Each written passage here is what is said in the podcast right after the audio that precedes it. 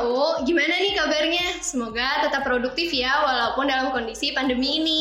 Oh iya, hari ini tuh cuacanya tuh enak banget. Pokoknya uh, enak gitu loh vibes-nya. Kira-kira ada hal indah apa ya hari ini? Hmm, yaps betul. Hal indahnya karena kita balik lagi di podcast DMAU. Tempat kita ngobrol-ngobrol santai seputar UIN Bandung tentunya dan topik-topik yang lagi hangat. Bersama saya Aisyah Hanifah dari Kementerian Komunikasi dan Informasi Dewan Eksekutif Mahasiswa UIN Sunan Gunung Jati Bandung. Nah, buat teman-teman yang lagi di rumah nih, yang lagi rebahan atau lagi WFH, bisa banget nih sama aku ditemenin di podcast kali ini karena kita akan mengenal lebih dekat dengan DEMAU. Nah, teman-teman tahu nggak sih DEMAU itu apa? Mungkin sedikit ngejelasin kalau DEMAU itu uh, adalah lembaga eksekutif mahasiswa tertinggi di Universitas UIN Sunan Gunung Jati Bandung. Setauku tuh kalau misalnya di univ lain tuh namanya BEM atau Badan Eksekutif Mahasiswa. Nah, sebenarnya apa sih bedanya BEM sama DEMA? Oke, kita langsung aja ya karena kita di sini kedatangan narasumber yang hebat sekali gitu. Nah, kita langsung tanya aja sama yang expertnya. Kenalin nih teman-teman, ada presiden kita. Siapa Pak namanya? ya, Malik Fajar Ramadan, Ketua Dewan Eksekutif Mahasiswa UIN Sunan Gunung Jati Bandung periode 2020-2021 Kabinet Astaguna.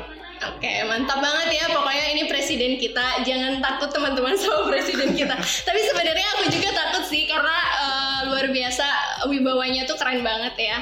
Nah, uh, kalau boleh tahu nih Pres uh, tentang pengalaman organisasi tuh kayak gimana?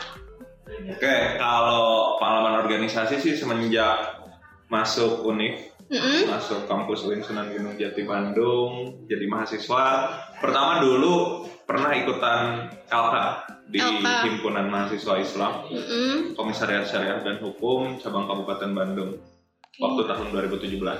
Okay. Kemudian setelah itu waktu semester 2 dulu jadi pengurus di himpunan mahasiswa jurusan hukum ekonomi syariah mm-hmm. Muamalah bidang pengembangan aparatur organisasi semester 2 Oh mantap banget ya semester 2 udah jadi pengurus Terus apa namanya uh, karirnya sih di di di HMJ aja di HMJ hmm. Muamalah aja dan dua periode sorry tiga periode itu intens terus di bidang PAO Oh di himpunan itu? Iya di himpunan mahasiswa, uh, mahasiswa jurusan jadi bagian daripada PAO itu sendiri hmm. gitu sih.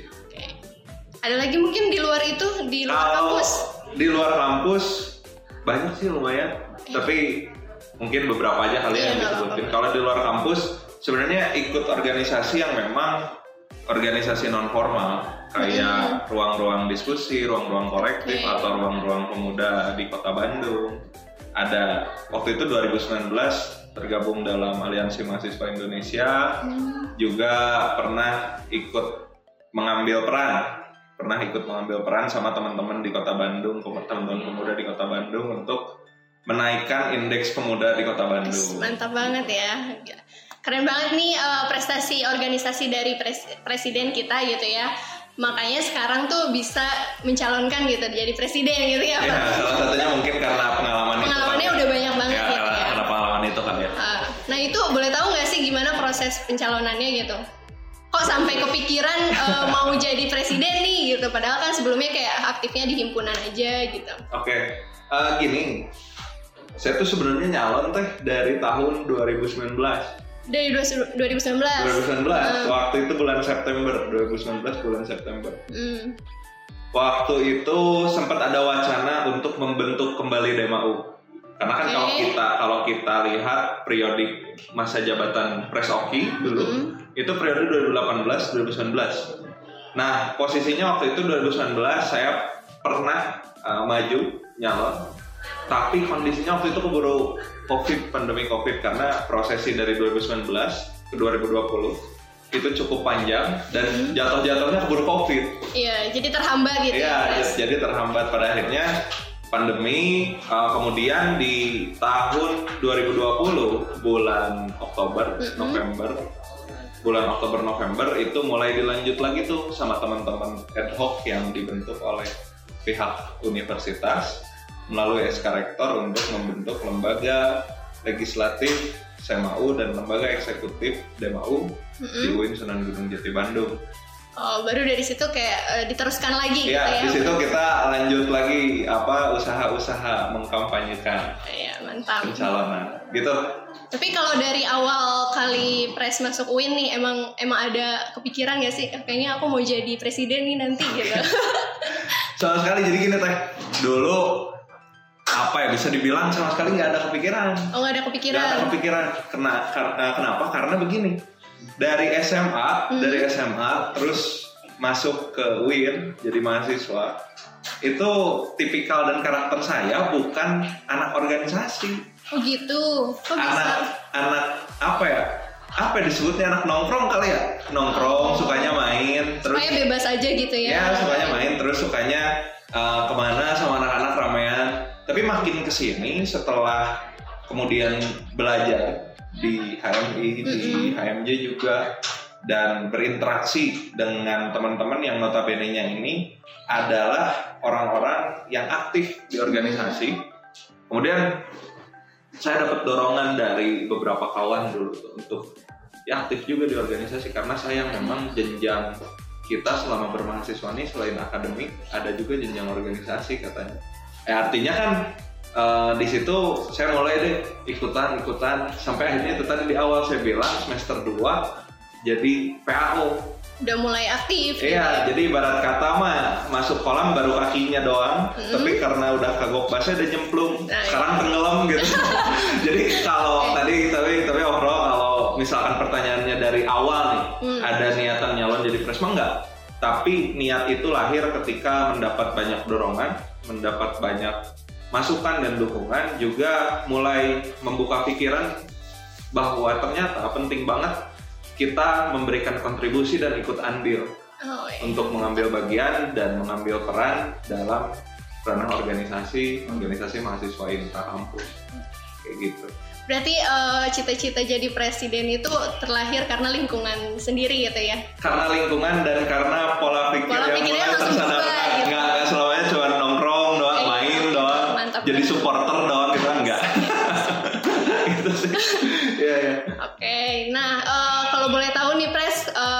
Pas pembentukan periode presiden nih gimana tuh?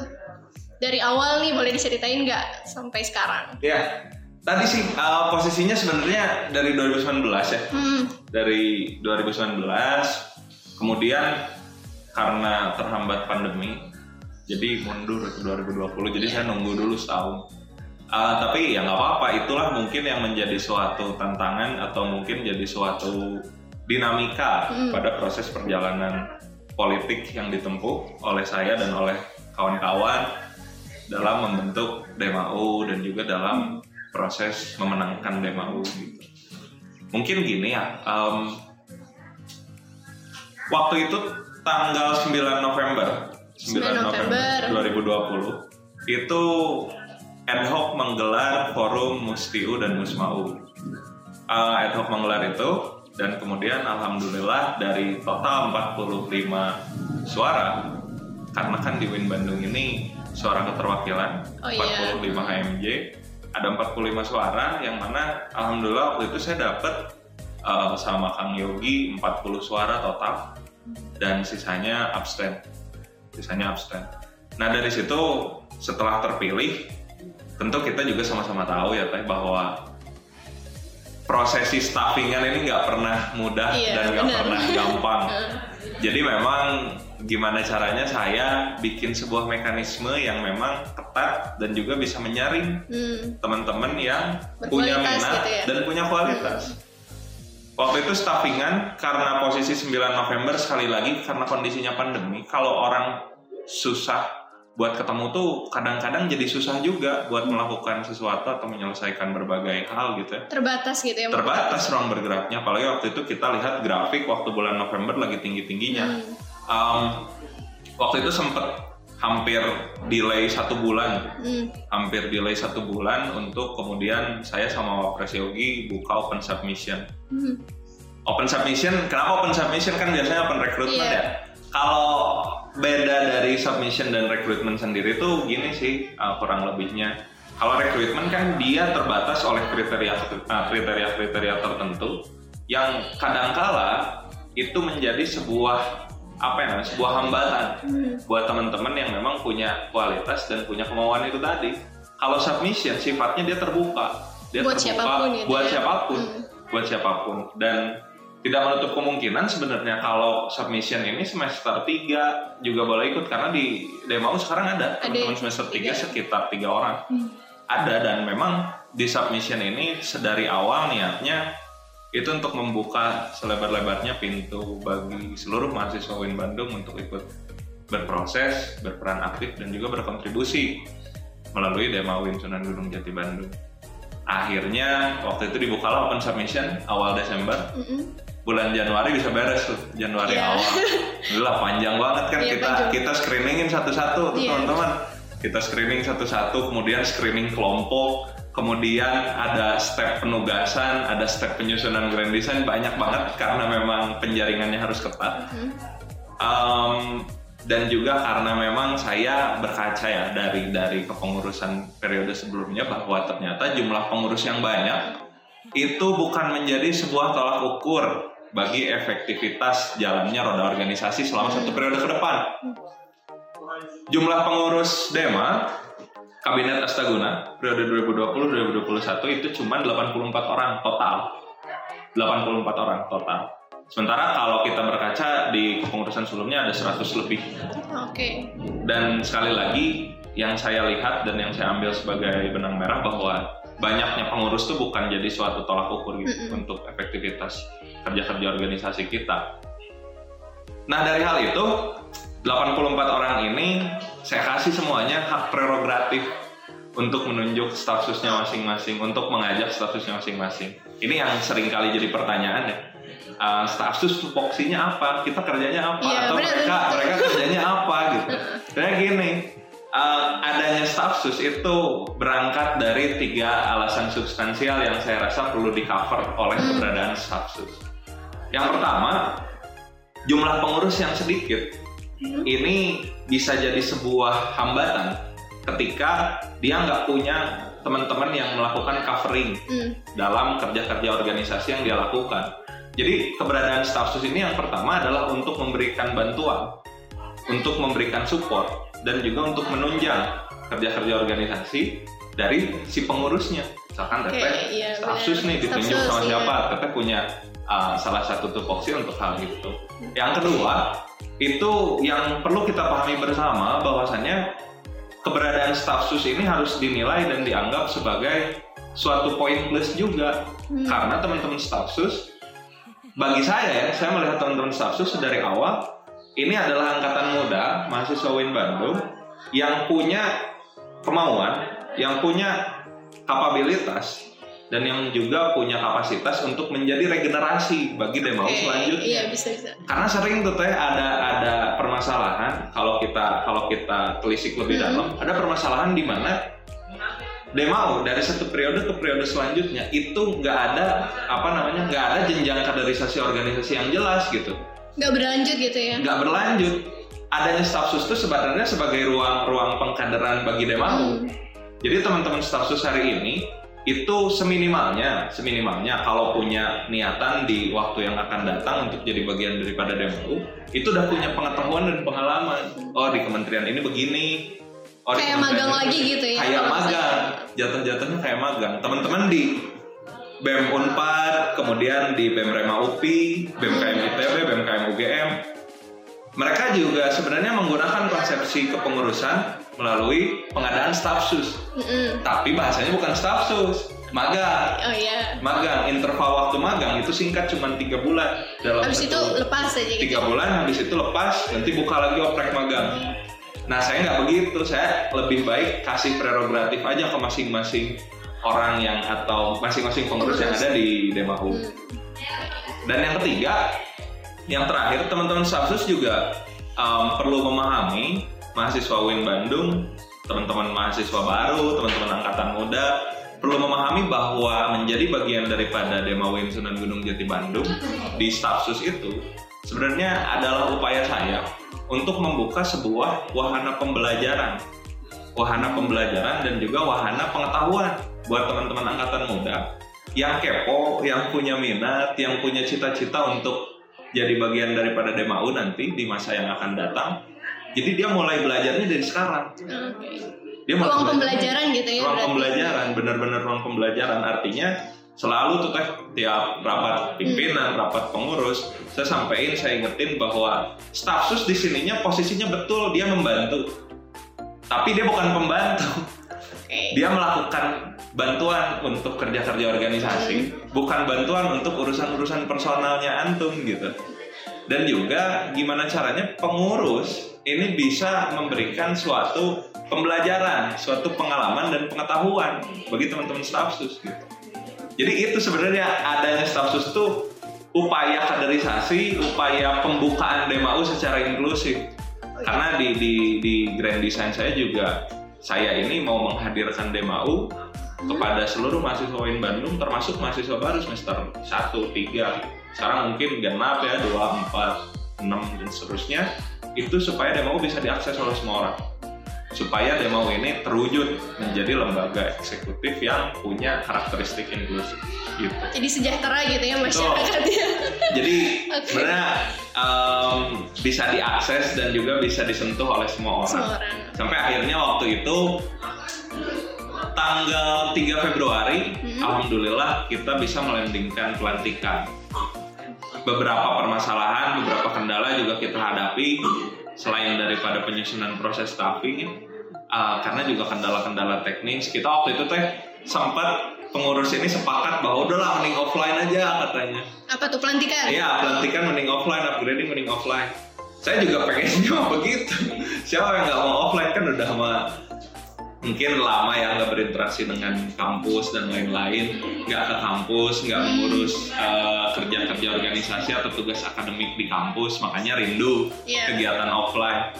Saya upayakan lah itu offline, tapi karena memang em, waktu itu ketat banget, ketat banget eh, satgas covid di kota Bandung, saya datang ke sana mengajukan untuk pelantikan offline di Anwar Musadat, Mm-mm. karena kita tahu aturannya kan em, dari total, dari total seluruh audiens Mm-mm. hanya boleh 30% kalau mau menggunakan eh, agenda offline. Offline. Anwar Musadat ini kan 6000 kapasitasnya. Ya.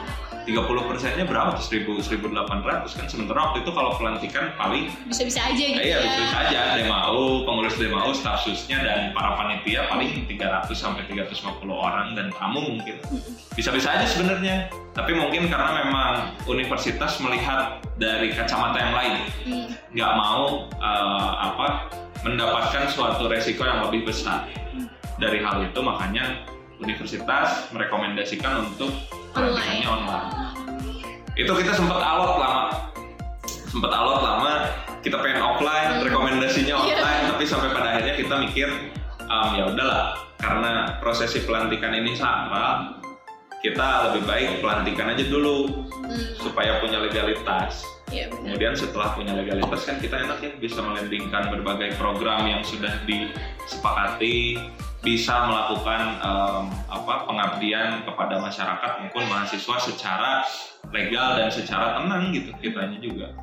Jadi memang pelantikan kemarin online di tanggal 3 Februari dan alhamdulillah berjalan sampai hari ini kepengurusan ini bisa dibilang semuanya alhamdulillah progresif meskipun ada beberapa report kita kan nggak Iya. bisa menafikan ya Iya, iya. teman-teman juga yang nonton atau yang mungkin melihat podcast ini nanti kalian juga tahu kok bahwa di HMJ, di DMAF, DMAU atau di organisasi mana pun dari sekian banyak pengurus pasti ada satu dua yang memang kurang aktif gitu dan ya di DMAU juga ada Itu mah harus diterima aja ya, Pres. harus diterima dan harus disikapin Oh iya gitu. karena pada posisinya kita harus sadar bahwa jadi pengurus DEMA itu bukan sekedar jadi pengurus kemudian udah gitu. Uh, kita mungkin teteh pernah dengar kali ya apa di, di DEMAU sekarang setiap orang punya spesifikasi dirjennya masing-masing. Pernah dengar itu Pernah, kan? pernah. Nah posisinya kenapa semuanya harus aktif? Karena semuanya punya tanggung jawabnya masing-masing Masing-masing. difokuskan untuk punya lahan fokusnya sendiri. Dirjen A, Dirjen B, Dirjen C, Kementerian Kominfo misalkan punya Dirjen Media, punya Dirjen Branding dan punya Dirjen yang lain-lain. jadi punya tugas kerjanya tugas okay. kerjanya sendiri gitu dan kalau misalnya kayak ada yang nggak aktif nih pres gimana tuh langkahnya sebenarnya gini kalau ada yang nggak aktif kita kan punya mekanisme internal ya hmm. punya mekanisme internal melalui SOP yang sudah disusun oleh teman-teman Kemensekam Konsekap Demawa Sunan Gunung Jati Bandung yang sekarang itu punya bundling SOP yang tebal banget saya juga sebenarnya udah kalau baca tapi belum kalau memahami semuanya. Yang tebal banget bundling SOP yang di dalamnya itu ada mekanisme internal yang mengatur soal uh, keaktifan pengurus salah satunya. Dan juga ada mekanisme yang mengatur soal uh, hal-hal uh, administratif yang lain. Karena kalau bicara soal keaktifan pengurus saya kira kita juga harus tegas. Kita juga harus punya suatu mekanisme yang baku gitu dan berlaku untuk semua orang termasuk saya. Biar tidak seenaknya gitu ya Betul, ya dalam biar tidak seenaknya. Nanti kan kalau bahasanya bisa aja jadi ada SP, bisa oh, aja iya. jadi ada yang lain-lain gitu. Oh iya pres uh, di ini tuh ada kasus ya. Jadi kayak staff sus tuh ngerasa kayak diskrima, diskriminatif gitu loh karena uh, karena kan uh, secara ini emang gak diajak se apa ya foto bareng atau segala macam tuh kan. Nah itu gimana tuh menanggapi hal itu?